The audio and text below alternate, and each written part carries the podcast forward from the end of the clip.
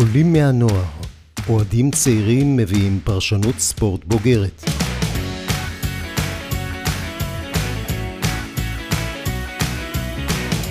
ניתוח מקצועי, נקודת מבט אובייקטיבית וסיפורים מרתקים מהשטח. עורך ומגיש אילון ברם. אז שלום לכולם וברוכים הבאים לעוד פרק של הפודקאסט עולים מהנוער. בפרק הזה נתמקד אך ורק בצ'לסי. הרבה סימני שאלה סובבים את צ'לסי. עם כניעתם המפתיעה של השחקנים המחוזרים והמוכשרים ביותר בתבל, רף הציפיות במועדון הלונדוני עלה. בפרק הזה נדון על עברה, אך בעיקר על ההווה והעתיד של הבלוז, במטרה להבין באיזה הרכב תשחק העונה, מה מטרותיה בעונה הקרובה והאם היא עומדת להיות הכוח השולט בפרמייר ליג בשנים הקרובות. אני מאוד שמח שהצטרפתם אה, לפרק הזה. איתי כאן אה, יעביר את הפרק רועי ברלוביץ', הידוע בכינויו ברלו. מה קורה ברלו? מה קורה אילון? שמח מאוד להתארח. כיף לי גם שאתה כאן.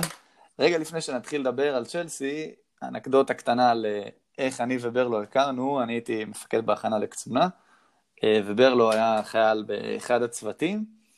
אה, באחד המחזורים, בדרך כלל יש צוותים מעורבים של בנים-בנות, באחד המחזורים היה מש"ק ת"ש שיצא לקצונה, בייניש, שאמור להיות קצין ת"ש בגדוד רק של ביינישים, של חיילים דתיים, והוא ביקש צוות מגדרי רק של בנים, מגיע לו, זה גם זכות של כל חייל בצה"ל. אז התאמנו את עצמנו, הסגל בנה מחזור, אה, בנה צוות אחד מגדרי רק של בנים, הייתי מפקד כבר יותר מנוסה וותיק, וביקשתי להיות אה, מפקד של צוות בנים, ופרגנו לי, וכל מה שחלמתי שיכול לקרות בצוות בנים קרה, אה, היה שפע של טוסטסטרון באוויר ודיבורי חולין כאלה, דיבורי סרק במסדרון על כדורגל ועל כדורסל, בדרך כלל בהכנה לקצונה.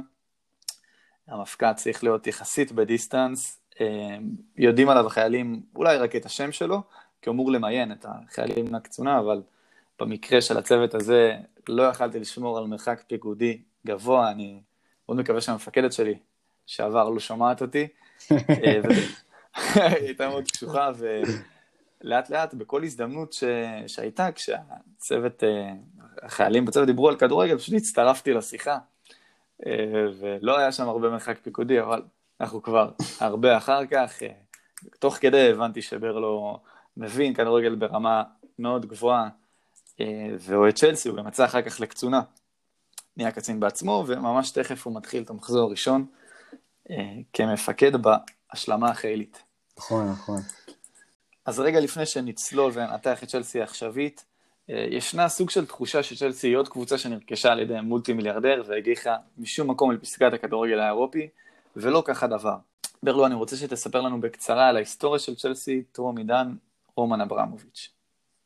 אין בעיה, אז אני תכף אסקור את uh, ההיסטוריה של צ'לסי, אבל לפני זה אני רוצה להתייחס לטענה שצ'לסי היא עוד קבוצה שנרכשה על ידי מולטי מיליארדר. Uh, אני חושב שצ'לסי היא לא עוד מועדון מהסוג הזה, אני לא חושב שהיא בספירה של... Uh, של מנצ'סטר סיטי ושל אה, פריס סן ג'רמן, בין היתר בגלל ההיסטוריה שלה, שנדבר עליה עוד שנייה, אבל גם בגלל שיש לה כבר מסורת מסוימת שנבנתה ב-20 שנה האחרונות, יש לה כבר אגדות, יש לה כבר סמלים, יש לה איזושהי אה, זהות אה, ואופי, אה, בנוסף יש לה מחלקת נוער מצוינת, אה, רכישות אה, משתלמות, היא כבר לא קבוצת כסף, היא לא נבנית אה, באופן מוחלט על הכסף שלה, להפך, זו קבוצה אה, ענקית בכל קנה מידה, אה, קבוצה שעל פי נתונים היא הקבוצה הרביעית האהודה בעולם, אה, וגם צריך להזכיר, של, כן, שהיא קבוצה, קבוצה שהייתה תחרותית עוד לפני הרכישה של אברמוביץ'.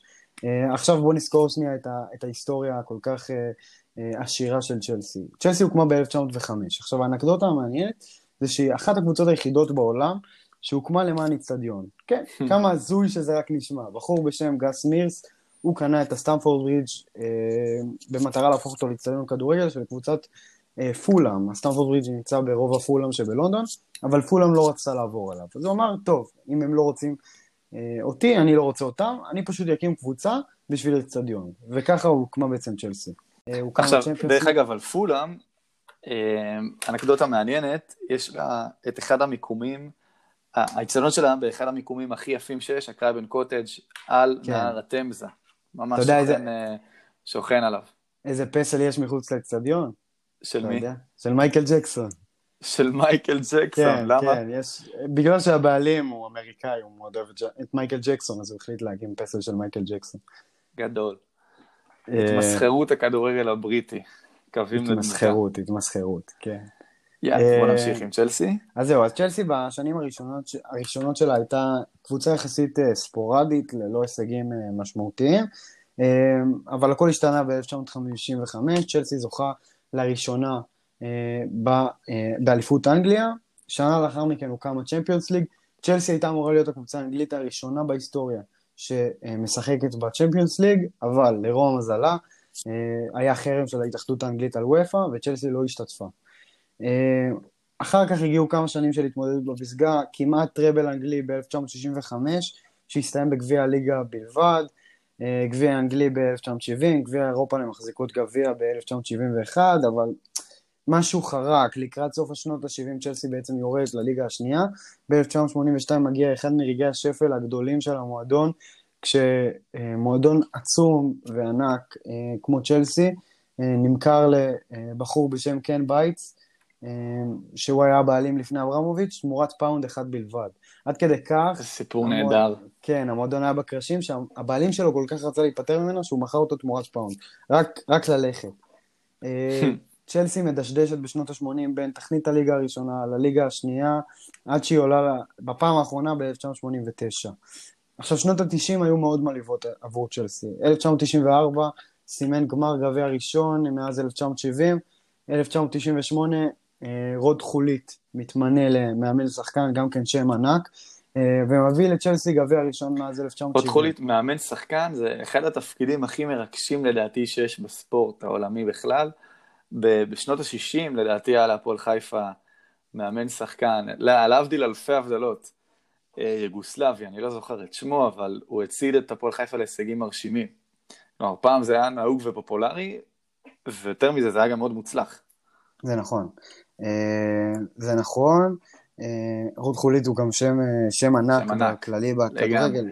יחד איתו הגיעו עוד שחקנים ענקיים, הגיעו רוברטו די מטאו, אה, כמובן ג'יאן פרנקו זולה, שנחשב לאחד השחקנים הגדולים בהיסטוריית הפרמייר ליג.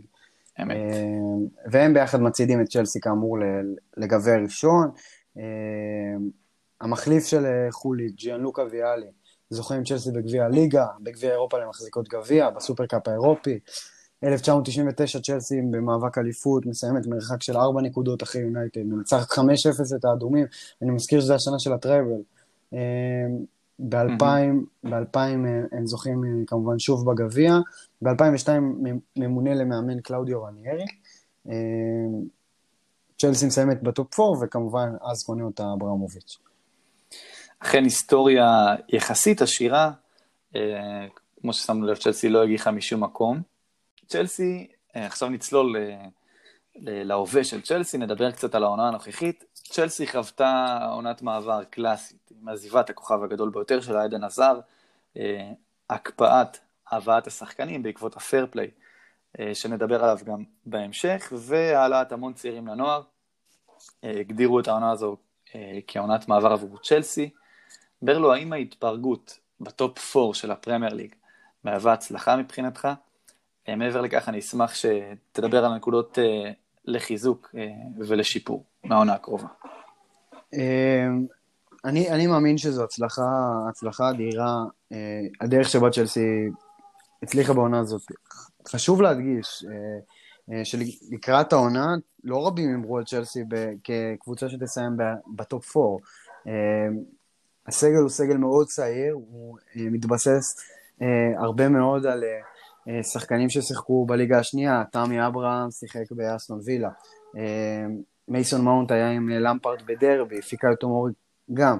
אה, זו קבוצה שסיימה אה, במקום הרביעי, עם עזר כשחקן אה, הכי טוב שלה ושהיא בנויה לחלוטין אה, סביבו. ולכן אני חושב שזו אה, הצלחה כבירה. אה, לא הרבה האמינו שזה מה שיהיה. מעבר לכך, אנחנו סוף סוף רואים טביעת יד של מאמן. זה אחד מה- מהנקודות שימור הכי גדולות שאני לוקח מהעונה הזאת. אתה רואה ניצנים של תהליכים איכותיים, של כדורגל טוב והתקפי, יש לנו את ההתקפה השלישית בטיבה בליגה. אתה רואה דברים שמותירים הרבה מאוד אופטימיות לעתיד, אתה רואה מאמן שהוא מאמן חכם, שהוא מבין את הקבוצה שלו, שהוא טוב בלהכין את הקבוצה שלו, הוא נועז, הוא לא מתפשר על מה שהוא מאמין בו, אה, והוא מתווה דרך. אה, ואני חושב שבמובן הזה זה היה מאוד דומה לליברפול של קלופ, קלופ בתחילת הדרך. אה, יש בזה משהו, אני גם אוסיף ואגיד שלמפרד הוא רק אחד, הוא בעצם מגלם איזושהי תופעה שהולכת ותופסת יותר תאוצה בשנים האחרונות בכדורגל, שזה מועדוני ענק מביאים את שירותם, שוכרים את שירותם של שחקני עבר גדולים של המועדון, שמזוהים, אם זה גוארדיולה, צ'אבי שעשוי להיות בברצלונה יום אחד, פירלו כמובן, אולה גונר סולשייר, כן, כמובן. אה, ועוד רבים וטובים. אה, כי השחקן מכיר בעצם, שחקן ענק, אה, מכיר את ה-DNA של המועדון מאוד מאוד טוב. למפרד הוא, הוא אפילו צעד אחד קדימה, הוא, הוא מאלה שיצקו את ה-DNA של, של המועדון, הוא כנראה הכוכב הכי גדול בהיסטוריה של צ'לסי. לגמרי. ול, ולכן זה, זה חתיכת אירוע ההבאה שלו. הוא לא חף מטעויות, עוד מעט נדבר גם על הדברים שהם פחות טובים, אה, אבל בכללי אני חושב שצ'לסי לחלוטין מצאה את, אה, את מאמן העתיד שלה, גם, אה, גם מהבחינה הזו שהוא זוכה לגיבוי מוחלט מהאוהדים, וזה משהו שצ'לסי ספגה וסבלה ממנו שנים רבות מחוסר גיבוי של אוהדים למאמנים. אה, וגם זה, זה איזושהי נקודת אה, חיוב אה, מצוינת. נקודה שנייה לחיוב. לגמרי, אני רק, רגע לפני שנעבור לנקודה השנייה, אני אוסיף ואומר שכאוהד יונייטד, בתחילת העונה, היה די ברור שסיטי וליברפול ימשיכו לתת את הטון בליגה, הם יאיישו את שני המקומות הראשונים, ואחריהם טוטנאם הייתה המועמדת הלגיטימית ביותר לסיום במקום השלישי, אחרי עונה מעולה מבחינתה שהסתיימה ב... גמר ליגת האלופות עם אותו מאמן, פחות או יותר עם אותם שחקנים, אה, ואחריה רק אה, היו דיבורים על מי תהיה הקבוצה במקום הרביעי, שיונייטד אה, הייתה תמיד אופציה ריאלית, ובטח בתחילת העונה, וולפס גם עם ההתחזקות שלה, וצ'לסי יחד עם לסטר אישה רוב העונה את המקום השלישי, כלומר, רק, ב, רק במחזור שניים האחרונים היא ירדה למקום הרביעי, שזו הפתעה ענקית. לי לפחות כאוהד יונייטד הייתה. זה, זו הייתה הפתעה. ענקית, בין היתר בגלל העובדה שאם דיברנו על למפרד ועל ה... על הנכונות שלו לדבוק במה שהוא מאמין, זה מוביל אותנו באמת לנקודה השנייה, שהיא אחת הבולטות בעונה הזאת של צ'לסי, וזו הצעירים. אה, מחלקת הנוער של צ'לסי, כמו שאמרתי, היא אחת האיכותיות בעולם. אה, זכינו פעמיים רצוף בליגת אלופות ב-2015 וב-2016, באליפות ב-2014 עד 2018. אמ, והרבה שנים היה איזשהו מרמור בקרב האוהדים שאנחנו לא זוכים לראות את הצעירים בפעולה. כולם מכירים את התוכניות להשאלה של צ'לסי, את אה, עונת 2018 הוא לצ'לסי מעל 30 אה, מושאלים. אמ, והנה, העונה סוף סוף זכינו לראות את הצעירים בפעולה. אז בואו נדבר קצת נתונים. אה, תמי אברהם קיבל העונה 2,200 דקות, מייסון מאונט 2,874, פוליסיק 1,700 דקות, ריס ג'יימס אה, פרץ בעיקר ב... באמצע העונה, נכון? כן, היה את המשחק מול אייאקס. נכון, 4-4 שהוא... מטורף. 4-4 מדהים שהוא נכנס שם כמחליף. זוכר את זה. ונתן הופעה יוצאת דופן. חשמל שם את הקו, תומורי גם עם uh, מעל אלף דקות העונה. מה שדי מפתיע, כי צ'לסי, ב-DNA שהיא יצקה, לא זכורה כקבוצה שמשלבת צעירים יותר מדי, בטח ובטח בשנים האחרונות, ממה,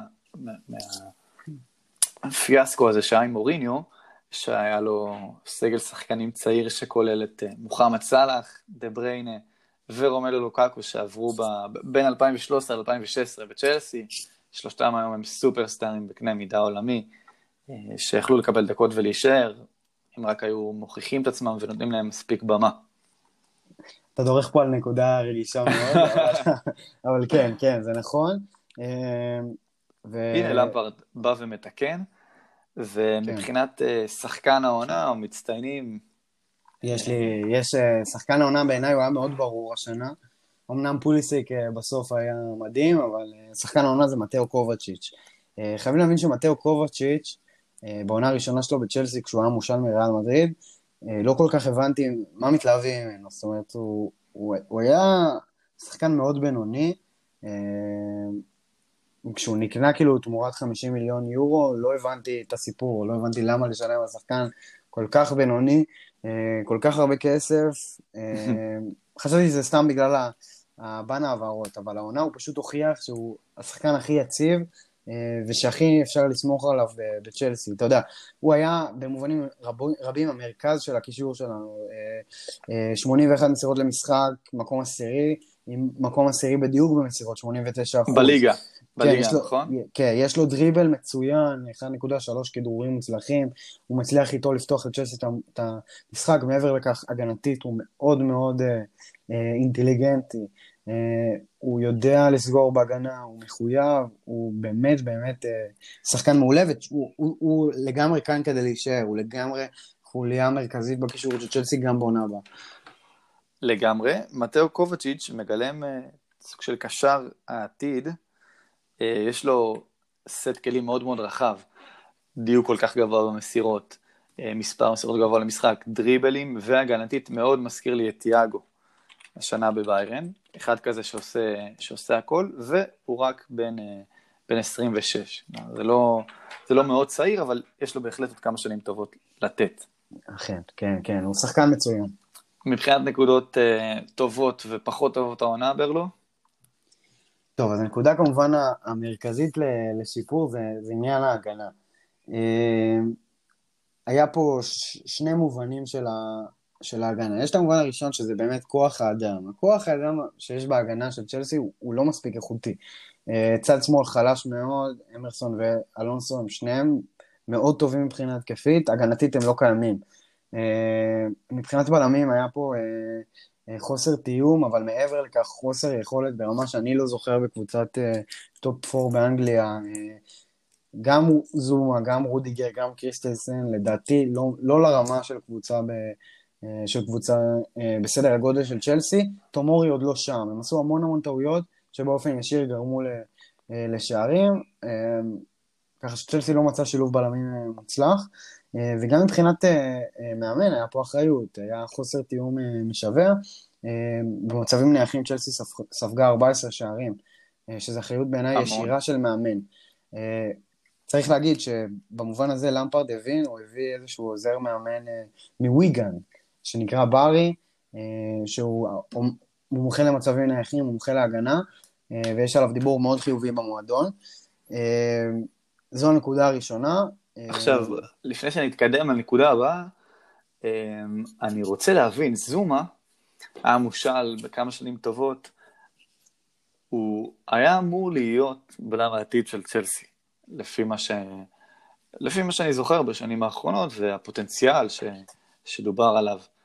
מה קרה? זה התברר כ... כטעות, האם זומה צריך לקבל יותר הזדמנויות, או שהוא פשוט לא מתאים אה, לרמה של top 4 ואפילו אליפות בפרמייר ליג? אני, אני אגיד לך משהו על קורט, שזומה, שהשם השני שלו זה הפי.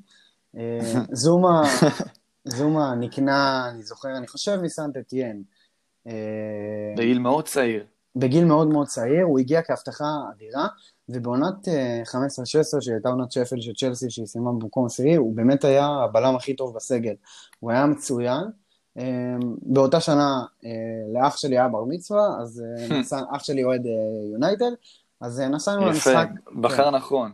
בחר בצורה מזעזעת, אבל לא, לא, לא ניכנס לזה עכשיו. בכל אופן, אנחנו נסענו למשחק בין צ'לסי לבין יונייטד בברידג'. זה המשחק מצוין. שהוא איצטדיון חוויה, דרך אגב, הייתי בו במשחק לפני שנתיים נגד פולאם, אפרופו, אפרופו פולאם וצ'לסי. Uh, צ'לסי ניצחה 2-0, שיחקה כדורגל, האמת, מאוד מאוד יפה. עם המון מסירות קצרות, אבל התאכזבתי מהקהל, הקהל היה רדום, לפעמים בליגה הישראלית הרגשתי יותר אווירה ממה שהרגשתי בסטמפורד ברידג', שהוא לא נהדר.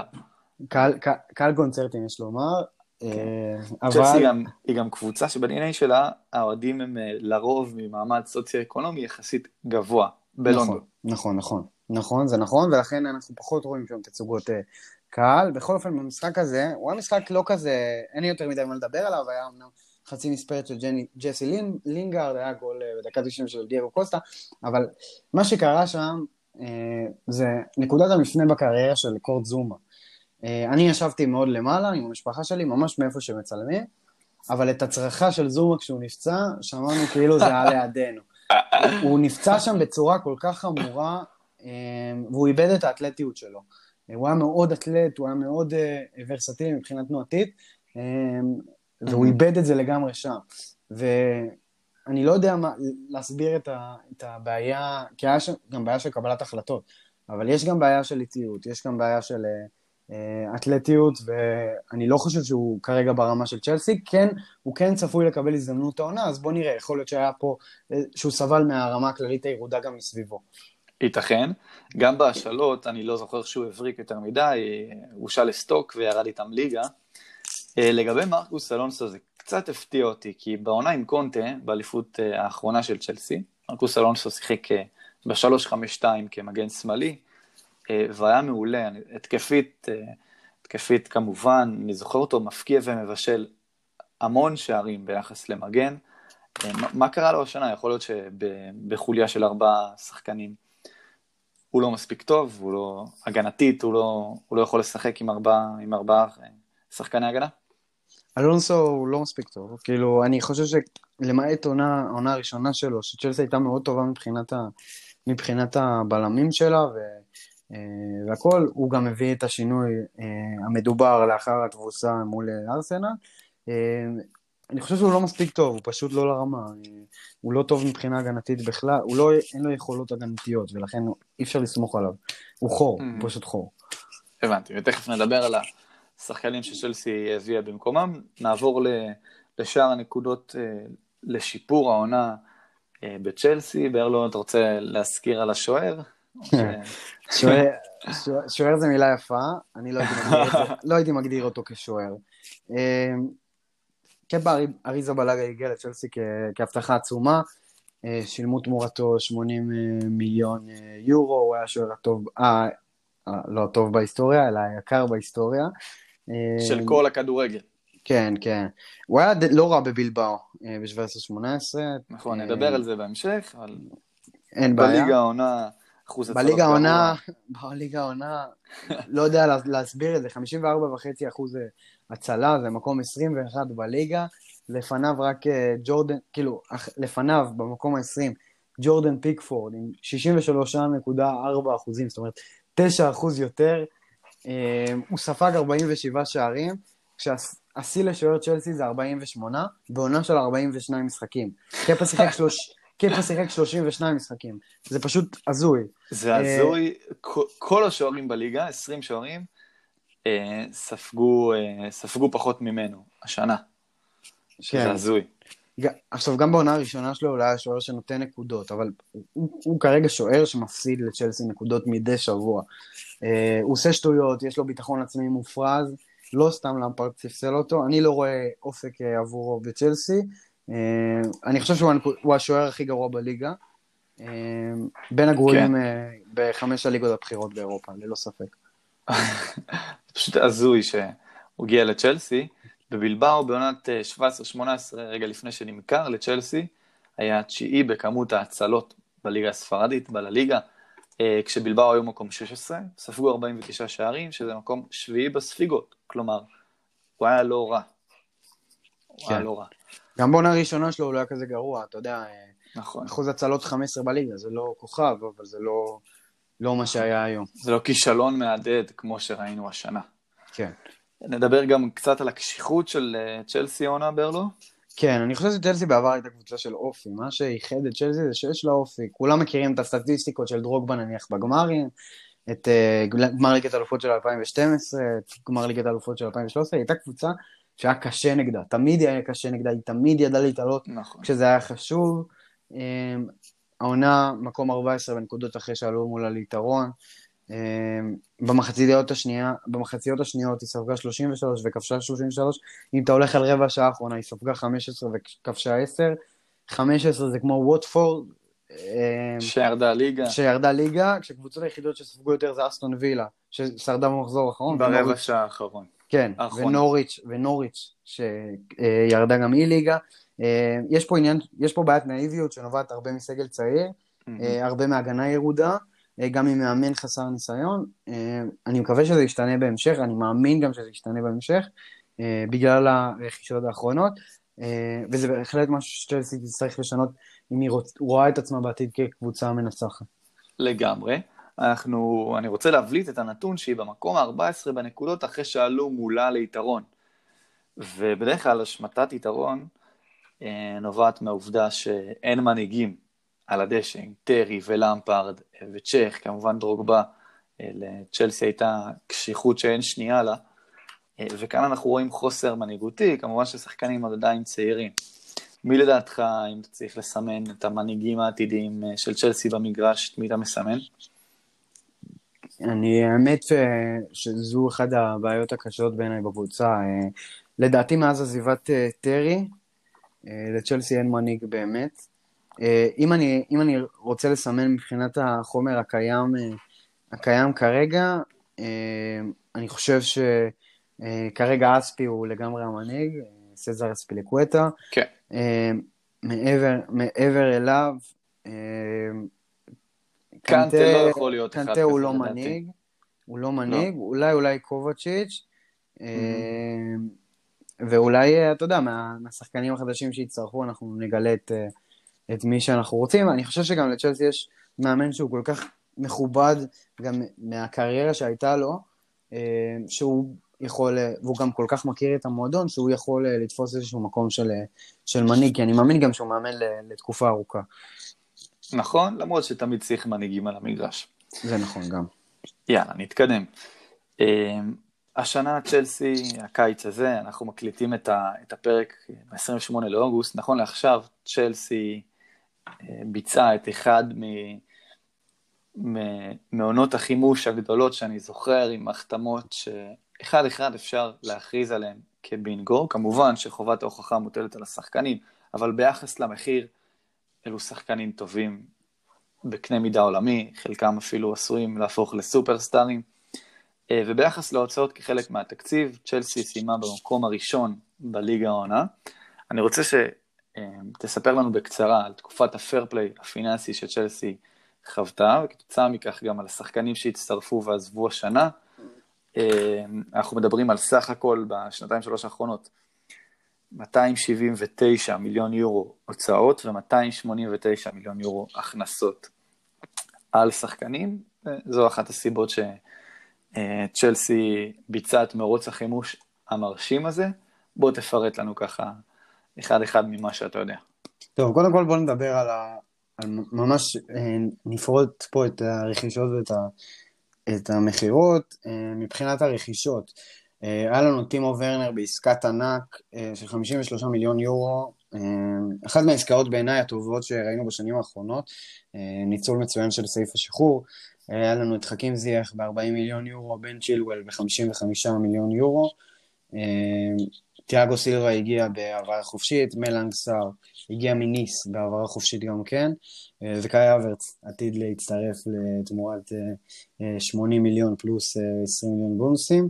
אה, אבל אה, גם מבחינת העזיבות, לצ'לסי היו לא מעט עזיבות. יש לנו את עדן עזר, שעבר לרעל מדריד בשנה שעברה, אה, תמורת 115 מיליון יורו, זה נחשב להשנה בדיוק כמו שהרכישה של קובצ'יץ', תמורת 50 מיליון יורו, נחשבת גם השנה. אלברו מורטה הושל עם חובת רכישה, בעצם המכירה שלו תמורת 56 מיליון יורו, גם הם מצטרפים למאזן של השנה. אה, מריו פשליץ' אה, נמכר לאטלנטה תמורת 15 מיליון יורו, נתן נמכר אה, תמורת 3 מיליון יורו, ובשנה שעברה אולה איינה נמכר לטורינו ב-11 מיליון יורו, תומש קאלאש ל-10 מיליון יורו, סך דוד לואיז לארסנל ב-8 מיליון יורו, קנט אומרו לנגס, מייקל אקטור לפולאם, עכשיו מדברים על זה שאמרסון יעבור לאינטר, אלונסו לסביליה, בקיוקו יעבור למילאן, הרווחנו כ-50 מיליון יורו מכספי ליגת האלופות, בעצם צ'לסי במצב מצוין מבחינת, מבחינת פייר פליי. חשוב להגיד שזה תהליך שהוא ארוך, ארוך טווח במועדון. לפני כמה שנים אברמוביץ' החליט שנמאס לו, נמאס לו להוציא כמות כסף מטורפת, והוא החליט להקים איזשהו מודל כלכלי שמממן את עצמו, ככה שזה באמת קורה בשנים האחרונות. גם לצ'לסי יש איזושהי אפליקציית scouting שהיא מאתרת שחקנים זולים יחסית, אה, עם פוטנציאל. אה, כמובן יש גם את מרינה, האישה החזקה במועדון, ששווה לדבר עליה טיפה.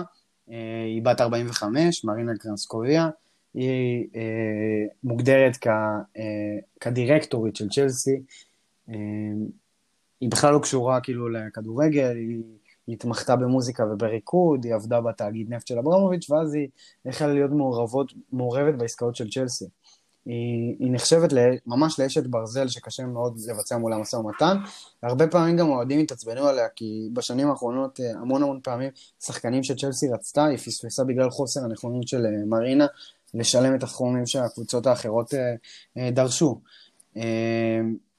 אבל השנה זה לגמרי מוכיח את עצמו, היא עושה עסקאות אה, מצוינות אחד-אחד במחירים, אה, במחירים נמוכים אה, מאוד, והיא הוגדרה באמת על ידי הטיימס כאישה הכי חזקה בכדורגל העולמי. ככה שגם לה יש, יש תפקיד מאוד גדול בתקופת ה fair play של צ'לסי. אפשר להגדיר אותה כמנג'רית של המועדון? בעיניי כן, אין, אין מנג'ר אחר, גם עברתי כזה על ה club personnel. אה, לפני, ה, לפני הפודקאסט כדי לוודא באמת שאין, אבל אין, אין, אין, אין מנהל מקצועי, היא זו, שקובע, היא זו שקובעת את העסקאות והיא שולטת במועדון מבחינת העברות. מי שמתווה את, את, את השחקנים שצ'לסי רוצה זה המנג'ר פרנק למפרד, אבל אין אה, sport director כמו שיש בחלק גדול מה, מהמועדונים. מדהים, אה, וייחודי במיוחד לצ'לסי ש...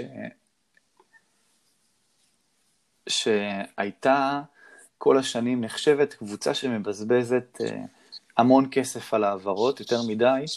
אנחנו רואים שבשנים האחרונות לא, היא לא פגעה בכל, אה, בכל רכש שהביאה לצ'לסי, אם זה, אם זה קפה ב-75 מיליון יורו, גם אלברו מורטה לא נחשב לרכש מוצלח, אבל היא השכילה למכור אותם, את קפה עדיין לא, אה, למכור חלק מהשחקנים הפחות טובים, ואת השחקנים שכן שיחקו בצ'לסי במחירים יחסית גבוהים.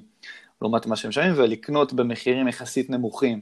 טימו ורנר 53 מיליון יורו זה לגמרי מציע, חכים זייך 40 מיליון יורו, סעיף השחרור שלו, זה, זה עוד יותר, ועצם זה ששכנעו אותו לעבור ספציפית לצ'לסי, זו חתיכת הברקה.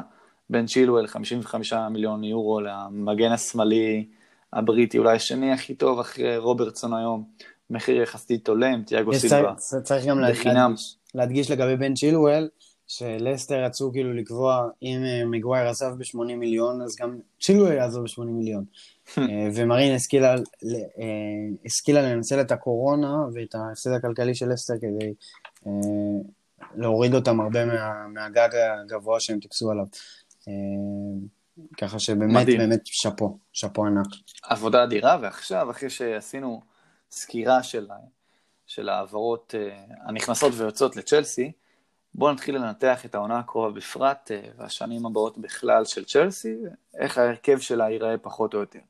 הצ'לסי נהנתה מהתקפה השלישית בטבעה באנגליה העונה, אחרי סיטי וליברפול עם 69 שערים, ממוצע של שער נקודה שמונה למשחק, אה, ו-62 אחוזי החזקת כדור בממוצע, גם כאן, במקום השלישי אחרי סיטי וליברפול, הפקיע שבעה פנדלים, שנייה אחרי יונייטד, תמי אברהם, מוצון אודוי, פולסיץ' ומייסון מאונט נהנו מפריצה מרשימה לליגה של הגדולים.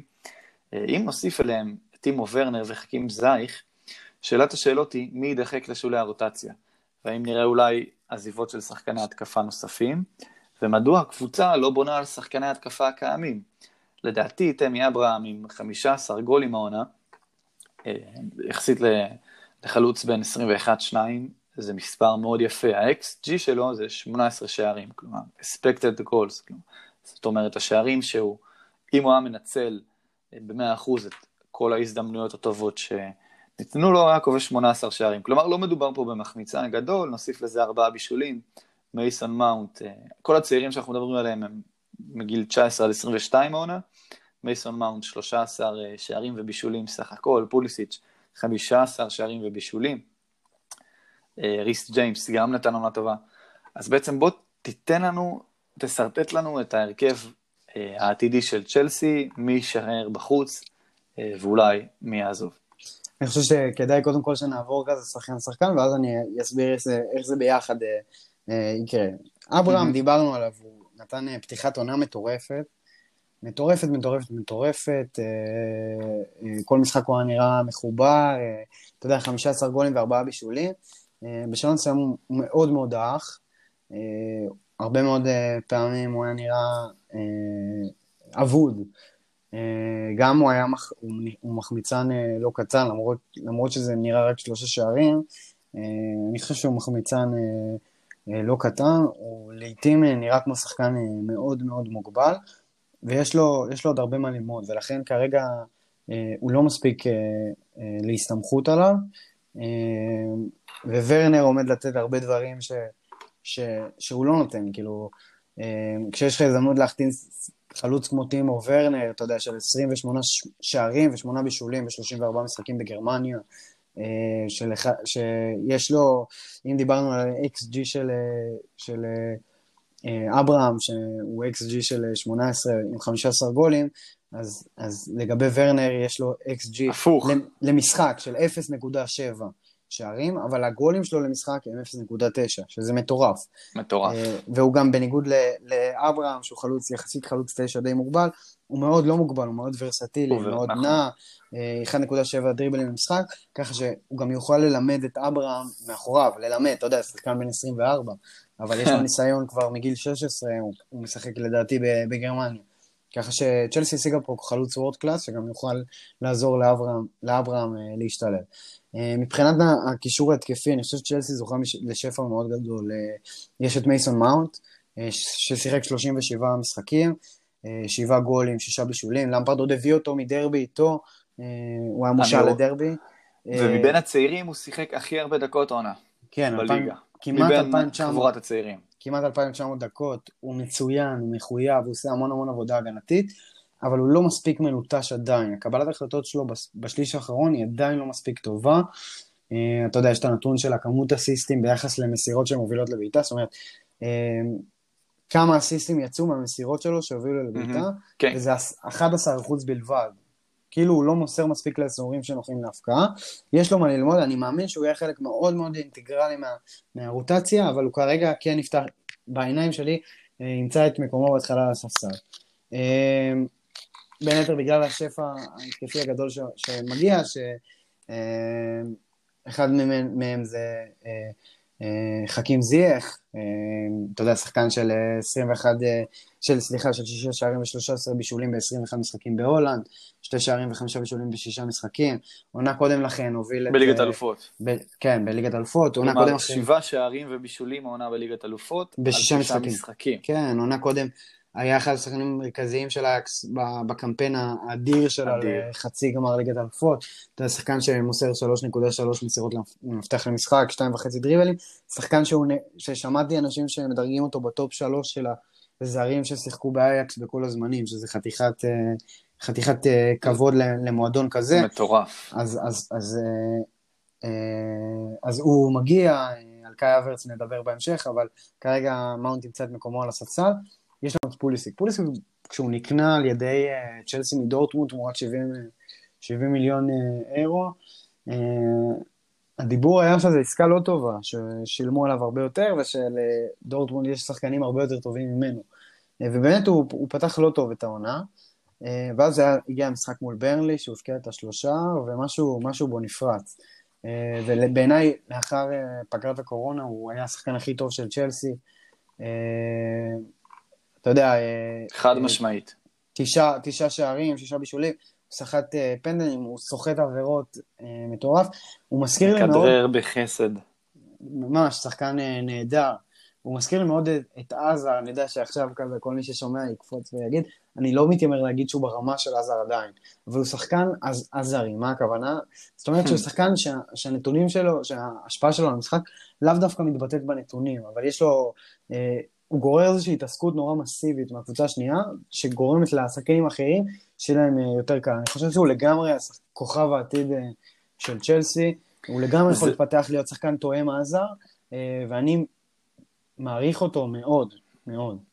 אני חושב שלפעמים האמרה הזאת של התעסקות מסיבית אה, של שחקני ההגנה ומשרת בשחקנים האחרים יכולה להישמע כמו קלישאה, אבל עדן עזר בעונות האחרונות שלו בצ'לסי, אני זוכר, כשהוא התחיל לכדרר באגף שמאל, תמיד היה דאבל אפ של המגן ושחקן הכנף של הקבוצה ההגנתית, וזה אומר שהמגן התוקף טיפה יותר משוחרר, אז ראינו את זה עם מרקוס אלונסו, שהיה באמת, אה, שהיה מעורב בהמון שערים ובישולים. לגמרי. בעונות כשעידן עזר כדרר באגף שמאל. כלומר, במקרה שלו, של עזר לא מדובר בקלישאה, אלא בתופעה אמיתית, הלכה למעשה. כמובן, גם הקשרים ההתקפיים האחרים נהנים מזה. לגמרי, עכשיו עם lineup התקפי כמו שלצ'לסי צפוי להיות, זה בכלל עומד להיות סיפור מאוד גדול. עכשיו, במידה וקאי האברץ מגיע, איך הוא משתלב כמתחת לחלוץ, כלומר, כשני שחקנים, שני קשרים אחוריים. כן, בעיניי האברץ מתחת לחלוץ לגמרי. צריך להגיד, זה שחקן שהוא שיחק כמות מטורפת של דקות, עם ניסיון מטורף ביחס לבן אדם בן 20. לגמרי. אתה יודע, 19, 2019, בגיל 19 הוא נבחר לנבחרת העונה בבונדסליגה, 38 שערים, 19 מסירות בשליש המגרש האחרון העונה. הוא שחקן מדהים, והוא עומד להיות לגמרי בעיניים מאחורי החלוץ. להחליף בין, לפעמים כזה... אחד, לדעתי, אני לא זוכר את הנתון המדויק, אבל הוא בין החמישה שחקנים הכי צעירים בהיסטוריה שהגיעו למאה הופעות, או משהו כזה. לגמרי, לגמרי. top שלוש או חמש. שחקן ש... כאילו, היה הרבה קיתונות על זה שצ'לסי מתעסקת עוד, בעוד שחקן התקפה, בעוד שחקן התקפה, אבל בגישה שלי, כשיש לך הזדמנות להחתים שחקן כזה, אתה לא אומר לו לא. והאברץ הוא, הוא בעיניי עומד להחליף המון פעמים עמדות עם, עם זייח באגף, mm-hmm. כי הם שניהם נורא ורסטיליים. אגב, אנקדוטה על האברץ, שבעיניי מעידה למה הוא שחקן עתידי, זה שקראתי כתבה בסקאי ספורט, שאמרו כדי להבין כמה אברץ רוצה מחויב למעבר שלו לצ'לסי, שהוא רוצה להצטרף לצ'לסי יותר ממה שצ'לסי רוצה אותו, והוא המטרה מספר אחת של צ'לסי בקיץ. עד כדי כך הוא רוצה, הוא רוצה להצטרף, ככה שהוא יגיע כמובן להרכב. מעבר למאונט ולאברהם, שיעבדו את המקום שלהם, יש כמובן גם את אוצון אודוי, את רובן לופטוס צ'יק שחוזר מפציעה, והם גם ייאלצו להסתפק בפחות דקות. אני חושב אבל שזה איזשהו משהו שהוא דווקא טוב, אני לא מאמין שמישהו מהם יושל, אבל אני, אני חושב שיש להם הזדמנות ללמוד משחקני וורד קלאס, גם להתנסות קצת בתחרות על ההרכב הראשון, שזה משהו שהוא משפר את כולם, להיות חלק נכון. מקבוצה קבוצה שהיא, שהיא תהיה יותר מנצחת, ככה שאני חושב שבסך הכל זה, זה אומנם יגרע דקות משחקני התקפה, אבל זה ישפר את הרמה הכללית של הקבוצה וגם שלהם, ככה שאני חושב שזו החלטה טובה של צ'לסי. זאת אומרת שאם אנחנו צריכים להרכיב את ההרכב של צ'לסי בעונת 2021, אנחנו מדברים על ורנר כחלוץ, לא אברהם לידו, נכון? לפארד לא ישחק עם שני חלוצים. להערכתי לא, אה, אבל שוב, זה עוד חלק מהוורסטיליות והעומק שצ'לסי מקבלת פה, כי זה אחת מהאופציות שיכולות להיות. אגב, לא רק אברהם, גם, אה, גם ג'ירו הוא שחקן שמאוד מתאים כחלוץ שני. לגמרי, ומאז הקורונה הוא להפך, הוא זה ששיחק. כחלוץ נכון. פותח בצ'לסי. ג'רו, אה, ג'רו הוא שחקן, הוא שחקן מצוין, בעיניי הוא, הוא, הוא, ספג, הוא סופג הרבה פעמים ביקורת, אבל הוא, לדעתי היה לו משמעות אדירה לקמפיין של, של צרפת במונדיאל. נכון. בעיניי הוא, הוא שחקן מצוין, והוא גם יוכל למצוא לגמרי את המקום שלו, לפעמים בהרכב, לפעמים כמחליף. אני לא יודע איך הוא ישתלב פה בהרכב, אבל אם אנחנו רגע צריכים, צריכים לשרטט את ההרכב, אנחנו של 4-3-3, כשאבר, ש... סליחה, ורנר חלוץ בשפיץ, זייך מימין, פוליסיץ' משמאל, נכון? כן, כן, כן. אמ, ארוורץ, אברץ, סליחה, מתחתיהם, ובקישור כמובן קובצ'יץ' וקנטה, ז'ורג'יניו על הספסל. ג'ורג'יניו על הספסל, אה, שוב, יש הרבה דיבור על זה שהוא יעבור, אבל אה, במידה ולא הוא ימצא את מקומו על הספסל, אני חושב שגם קובצ'יץ' וגם קנטה אה, עדיפים עליו. קושיץ' וגם קנטק, שאברהם הוא בעצם חלוץ, אברהם וז'ירו חלוצים מחליפים לטימו ורנר, ומאונט ואוצונודוי יכולים להיכנס בכנפיים ומתחת לחלוץ. מדובר פה על ורסטיליות מטורפת עבור צ'לסי, שפע של שחקני התקפה מאוד מאוד מוכשרים. לגמרי, רוס ברקלי גם. נכון. אה, ועוד, עוד שחקנים אה, מצוינים. לגמרי. אבל אנחנו מדברים פה על התקפה, אה, וב-DNA של צ'לסי תמיד הייתה תבואה הגנה חזקה, שלא כמו מועדונים אחרים כמו יונייטד לדוגמה, שחותרת תמיד למשחק נועז ולכדורגל התקפי. מוריניו, אנצ'לוטי וקונטה זכו בתארים המוש... המשמעותיים של צ'לסי דרך ההגנה. הקבוצה ספגה עונה 54 שערים, שזה כמות פסיכית, 1.4 שערים למשחק. יחד עם ברייטון מדובר בהגנה ה-11 בטבעה בליגה. מבחינת XG, כלומר שערים שצ'לסי הייתה אמורה לספוג, צ'לסי הייתה אמורה לספוג רק 41 שערים העונה, שזה עדיין הרבה ביחס לקבוצת צמרת. אה, אבל עדיין מדובר בפער הגדול ביותר בין שערים שנספגו לשערים צפויים שהיו אמורים להיספג. שזה נתון לחובתו של אה, קפה שהיה מחריד העונה. כמו כן צ'לסי במקום השישי בטבלת אה, משחקי הבית, כלומר, איבדה את המבצר שהיה לה את סטאפורד ברידג'. צ'ילואל, סליחה, מסתמן כבינגו החיים. תיאגו סילבה, בן 35, מעולם לא שיחק בפרמייר, תמיד הערכתי אותו כבלם, כי הוא בעיניי בלם מאוד מודרני, מהיר וטכני. אה, אבל הוא בן 35, מעולם לא שיחק בפרמייר ליג, אומנם אה, הגיע לגמר ליגת אלופות. האם יחד עם סילבה וצ'ילואל, אה, צ'לסי יכולה ללכת על אליפות? האם זה, אלו שחקני החיזוק שאוהדי צ'לסי ציפו לקבל בהגנה? תראה, לגבי האליפות אני מעדיף לענות יותר מאוחר בהרחבה. אמ, אבל לגבי ההגנה... וכמובן, מכלול גם את השוער, מה עושים בדיוק בעמדת השוער? האם יש כוונות להביא שוערים אחרים? מי תקלוט את קפה, אם בכלל? קפה יכול ללכת למכבי פתח תקווה או להפועל פתח תקווה. ומעבר לכך, הוא, לא, הוא לא שוער, לא יודע מי תקלוט אותו, אני מאוד מרחם על האוהדים שלה, אבל, אבל לגבי... חווית טראומה קשה. השנה. אני, כן, אני, אני, יש לי תכונה כאוהד שכשיש שחקנים שאני לא אוהב, אני לא אוהב אותם עד הסוף. אמ, אז זה לא, כאילו, אני לא, אין לי שום מחילה לקפה ושום הערכה כלפיו. אמ, באמת, שוער, שוער לא כל כך, לא כל כך שוערי.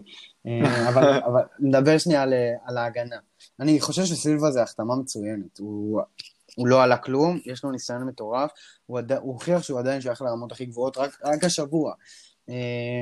ו, ובעיניי הוא, הוא יוכל להוות דמות, דיברנו על מחסור במנהיגות, אה, הוא יכול להוות דמות מנהיגותית בחסר, בחדר ההלבשה, להיות איזשהו גורם מאחד מול כל הצעירים אה, הפוחזים ש, שמסתובבים לידו, ובעיניי, ובעיני הוא, הוא יכול להיות, אה, הוא יכול להיות חלק גדול מהפתרון להגנה של צ'לסי, אבל הוא פלסטר, כן, הוא לא יותר מפלסטר.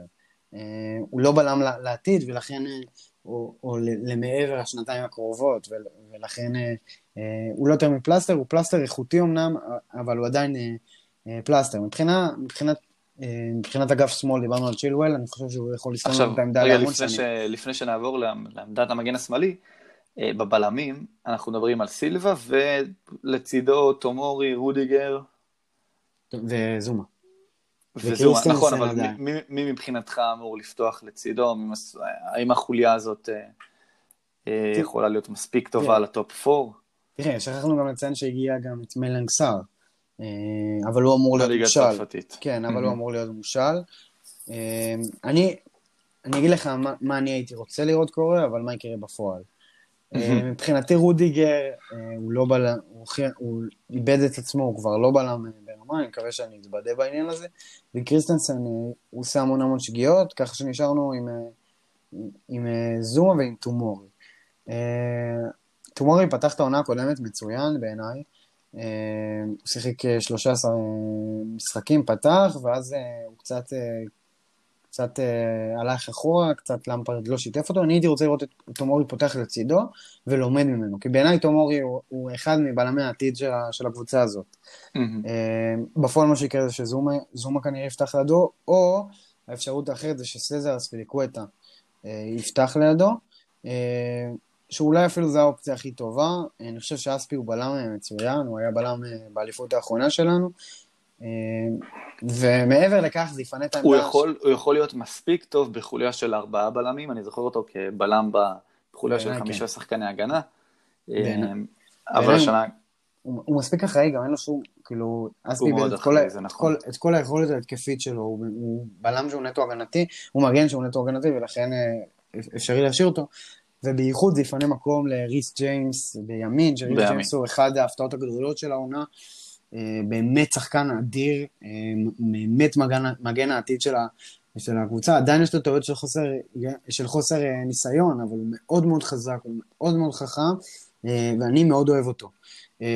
מהיר, מכניס קרוסים מצוינים מהאגף. לגמרי, לגמרי. הוא שחקן, הוא שחקן אדיר, וכנראה שאתה יודע, הרבה דיבור על זה שדקלן רייס יגיע, הוא שחקן בית של המועדון. אוהד צ'לסי, נכון? אוהד צ'לסי, שחקן בית, הוא גדל בצ'לסי, הוא חבר של כל השחקנים. אם תראה את האינסטגרם שלו, אתה תהיה בטוח שהוא עובר לצ'לסי, כנראה שזה יקרה בשנה הבאה. אה, אה, אני מקווה עוד איכשהו שיהיה איזשהו מחטף השנה, אבל זה נראה... נציין, דקלן רייס, קשר אמצעי בווסטהאם. קשר אמצעי, קשר אמצעי סלש בלם, הוא צפוי כן, להגיע להיות נכון. בלם. אה, אתה יודע, טרי העלה לא מזמן תמונה שלו עם דקלן רייס, והוא אמר אה, אה, איזה שילוב הגנתי זה יכול להיות. ממש, זה, זה עניין של זמן, זה, יד... זה כאילו ברור שבסוף הוא יגיע לצ'לסי, פשוט לא יודעים מתי. אה, כרגע העונה, אני לא חושב שההגנה צפויה להיות מהטובות בליגה, אבל יכולה להיות יותר טובה ממה שהייתה שנה שעברה, והיא יכולה להיות טובה. ככה שזה כן איזשהו משהו מרכזי. כמובן שכל עוד קפה הוא השוער, אני לא מצפה לגדולות ונצורות. אה, אני עדיין, יש לי את התקווה ויש עדיין דיבור על כך שאחרי שהעסקה של אברס תושלם, אה, יפנו לחפש, אה, לחפש שוער. אתה יודע, אתה יודע, יש את אנדרי אוננה, שהוא יכול להיות אופציה מצוינת, הבעיה שלו זה האליפויות אפריקה. היו כל מיני ספקולציות הזויות על יאנו בלאק, שאני לא מאמין שיקרו, אבל אני מאמין שצ'לסי בסוף תתפנה למציאת שוער. טוב, צ'לסי העמידה העונה את ההרכב הרביעי הכי צעיר, עם גיל ממוצע של 24.3 שנים. אה, בנוסף, דיברנו על בעיית האופי, מקום 14 בנקודות אחרי שעלו נגדה ליתרון. ברלו, לקראת הסוף, האם אתה חושב שצ'לסי מכוונת לאליפות בעונה הקרובה? כי היא החתימה שחקנים יחסית בשלים, טימו ורנר אה, וחכים זייך וקנטה שבשיא הכושר, ואם לא, מה המטרות שלה? אה, והאם למפרד המאמן המתאים למטרות? טוב, היא החתימה המון שחקנים בשלים, אבל צריך לציין, זה עדיין שחקנים אה, צעירים, אף אחד מהם לא, לא לקח אה, אליפויות, למעט חכים זיח וטיאגו סילבה, להבדיל, אבל הוא כמובן צעיר, ולכן יש פה, יש פה איזשהו עניין של, של חוסר ניסיון, חוסר בשלות עדיין. אני חושב שצריך להבין משהו מאוד ברור. אתה יודע, עכשיו ברשתות החברתיות אתה נורא שומע את ה... את כל האנשים אה, מדברים על זה שאם אה, צ'לסי לא לוקחת אליפות או לא מתחרה על אליפות, זה כישלון אדיר. חברים, אני רוצה להגיד לכם אה, בצורה מאוד ברורה, צ'לסי לא תיקח אליפות השנה. מי שחושב שצ'לסי תיקח אליפות השנה, הוא כנראה מאוד מאוד אופטימי, או, אה, כנראה מאוד מאוד חששן עם היריבות של צ'לסי. היא לא תיקח אליפות, כי אתה לא יכול לקחת אליפות אחרי שאתה מחליף, שאתה, שאתה מביא כל כך הרבה שחקנים משמעותיים לסגל, שאתה לא פותר את הבעיה הכי מרכזית שהיא הגנה, אתה אומנם משפר, אבל אתה עדיין לא פותר. אמ, ושאתה עדיין, עדיין בסגל שהוא יחסית צעיר ויחסית נאיבי ויחסית לא, לא מכיר את, ה, את המעמדים האלה. ייקח לקבוצה זמן להתחבר, אמ, אה, אבל תסבול מבעיית יציבות שתפגע בקמפיין שלה אה, לאליפות. היא כן, היא כן תציג כדורגל מאוד מלהיב, מאוד התקפי, היא כן תראה המון המון נקודות אופטימיות לעתיד. אני מאמין שלמפרד הוא מאמן מתאים אה, אה, לאליפות, ואני מאמין שפלסי תוכל לעשות גם אחלה של קמפיין בליגת אלופות ולהתקדם יותר בו, כי זה יותר מצוין שהוא יותר מאפשר התחבר, התחברות בזמן מסוים לכדי כאילו תוצאה מצוינת. אבל לא, צ'לסי לא תיקח אליפות השנה, היא תסיים בטופ 4, זו המטרה הריאלית, עם הרבה תקוות לקראת העתיד. היא כרגע, אני מגדיר אותה כשנה מאליפות. עוד שנה צ'לסי תהיה קונטנדרית שתוכל להתמודד גם עם ליברפול, גם עם סיטי, אה, וגם, אתה יודע, אה, גם עם הקבוצה שלך, עם יונייטד, שגם היא עם עתיד מאוד מאוד מבטיח. אה, אבל מה שהוא הכי חשוב לי כאוהד צ'לסי, ואני חושב שכמעט לכל אוהדי צ'לסי באשר הם, זה שסוף סוף אנחנו רואים תהליך. אנחנו רואים תהליכים, אנחנו רואים מועדון שמתנהל בצורה מדהימה. אה, אנחנו רואים שמתחשבים בנו כאוהדים, ואנחנו רואים שיש בסיס שנבנה להמון המון שנים. אה, אני מתרגש, כאילו, אני אגיד ברמה אישית שאני אתרגש לקראת העונה הזאת, כמו שלא התרגשתי אה, הרבה זמן. אה, אני כבר מצפה לראות אה, אה, מה יהיה. אני עומד מאחורי למפרד, אה, אלא אם כן יהיה איזה כישלון קולוסלי, ואני מבין ש... ש... אני מבין כאילו מה המטרות, ואני מבין היטב שצ'לסי, הקיץ הזה עוד ידובר בו עוד הרבה שנים, כי צ'לסי עשתה פה מהלכים מבריקים שיקנו לה את ה-edge לקראת העתיד. לגמרי, ודיברנו קצת על ה-DNA של המועדון שהיה מאופיין בכדורגל הגנתי וקשיחות מסוימת. אני חושב שבשנים הקרובות, נגיד, החל מהשנה השנייה של הקיץ הזה, לא השנה הקרובה, השנה שאחריה, אנחנו נראה שינוי בזהות של צ'לסי ממועדון שמאופיין בכדורגל הגנתי, ככה הוא גם זכה בליגת האלופות, למועדון שמשחק כדורגל התקפי, מאמן נועז, עם שפע של שחקנים בהתקפה. עדיין קשה לחזות במדויק, כי אנחנו לא יודעים את מי צ'לסי תביא להגנה וכשוער. אבל אם אתה חושב שזה משהו שאסור להשתנות כתוצאה משחקני התקפה מוכשרים שהיא גייסה לשורותיה? צ'לסי תמיד הייתה אה, אה, בעלת היכולת לשחק התקפית, הרי באותה תקופה היא אחזה גם בשיא השערים שנכבשו בפרמייר ליג ב-9-10, אבל... נכון, כמה זה היה? 100 ו... 104, 104, שזה היה 96. אבל אז. ניצחנו 8-0 את uh, ויגן, אם אני לא טועה. אבל כן, אני חושב שצ'לסי תהיה קבוצה שתהיה נודעת בזכות ההתקפה שלה, אבל זה לא סותר, כי אתה יודע, אם ניקח uh, את המשפט ש, שידוע, זה שהתקפה מנצחת לך משחקים, אבל הגנה מנצחת לך תארים. לגמרי. צ'לסי לגמרי תצטרך להיות קבוצת הגנה בשביל, בשביל בשביל להיות מסוגלת אה, להיות קונטנדרית ברמה הכי גבוהה. אה, אבל כן, אנחנו עומדים לראות אה, צ'לסי התקפית מאי פעם, יצירתית מאי פעם ומחויבת לכדורגל חיובי יותר מאי פעם, אני מאמין בזה, כי זה גם הפילוסופיה של פרנק למפרד. ואומנם צ'לסי עדיין לא השתלטה על אנגליה, אבל האם אתה חושב שבשלוש, חמש שנים הקרובות צ'לסי תהיה בין המועמדות הבכירות ביותר לשחייה בליגת האלופות? כלומר, האם צ'לסי הופכת והופכת להיות אחת הקבוצות הכי טובות בכלל בעולם? מאוד מקווה שכן.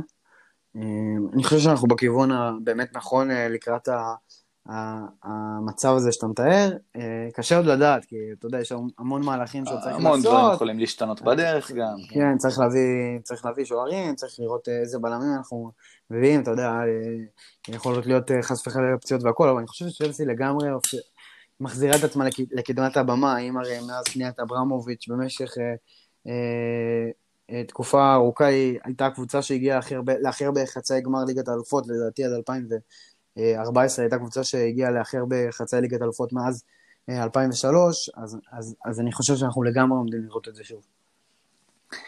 בהחלט יש עתיד כל כך ורוד לצ'לסי, הוא היה קיים גם השנה, ומה שמפחיד אותי בתור רד יונייטד, אה, קודם כל, היו לנו קבוצות מאוד מאוד דומות, גם אנחנו נשענו על צעירים בהתקפה ועל פריצות שלא יכלנו לחזות אותם, כמו של גרינווד, אה, ועונות טובות של מרסיאל ושל ראשפורד, אה, עם שחקנים בריטים מקומיים, תוצרת מחלקת הנוער וכדורגל התקפי. אבל בתור, בתור יונייטד אני חושש שצ'לסי עלתה כאן מדרגה מאוד גבוהה ובהחלט עשויה להתפתח כאחת הקבוצות הכי טובות באירופה בשנים הקרובות, אם היא תחזק נקודתית אה, דברים חשובים. המאמן שלה הוא כמעט מוכח, אנחנו עדיין לא יודעים איך הוא במאבק על תארים, אבל uh, הוא מסת... כשחקן הוא היה הכי טוב בהיסטוריה של צ'לסי בהקשר הזה, uh, וכמאמן אני חושב שהוא לא יביא תוצאות גרועות, גרועות מאשר היה כשחקן, מה שמאוד גורם לי לדאוג. לגמרי, ועם חיזוקים נקודתיים, במיוחד בשער ועוד בלם, שניים, ושחקני הגנה איכותיים, אני בהחלט חושב שצ'לסי תהיה הקבוצה, באנגליה מאוד קשה לחזות, כי נכנס תמיד כסף גדול, אה, והחתמה, דרך אגב, של מסי בסיטי, נכון לעכשיו הוא לא בסיטי, אבל החתמה של מסי בסיטי משנה את כללי המשחק בשנתיים שלוש אה, הקרובות ואת מאזן הכוחות משמעותית. אני חושב שהוא שובר שוויון בפרמייר ליג, על אף כל הטענות שזו ליגה אינטנסיבית. נכון שהיא מאוד מאוד אינטנסיבית, ו... וזה קצב אחר, ומסי התרגל למשהו אחר בליגה, אבל עדיין, השחקן הטוב, לדעתי, בהיסטוריה, למרות שאני מאוד מאוד מאוד אוהב את רונלדו. אה, לא. יש לנו פה גם אה, תמונה לידו, ו... ומעבר שלו לפרמייר ליג, עשוי לשנות את כל מה שאנחנו מדברים עליו בשנים הקרובות, למרות תמיד- שהוא ילך ויתבגר. תמיד תזכור אה, את השאלה, האם הוא יכול לעשות את זה בערב חשוך וקודר בסטוק? והתשובה היא לא. התשובה היא לא. לגמרי, לגמרי. זה, זה גם משהו שבתור uh, חובב ליגה האנגלית, אני תמיד שאלתי את עצמי, וכשהיו את התחר, כשהיינו קצת יותר צעירים, uh, כאוהד רונלדו, uh, תמיד זה היה הטיעון שלנו.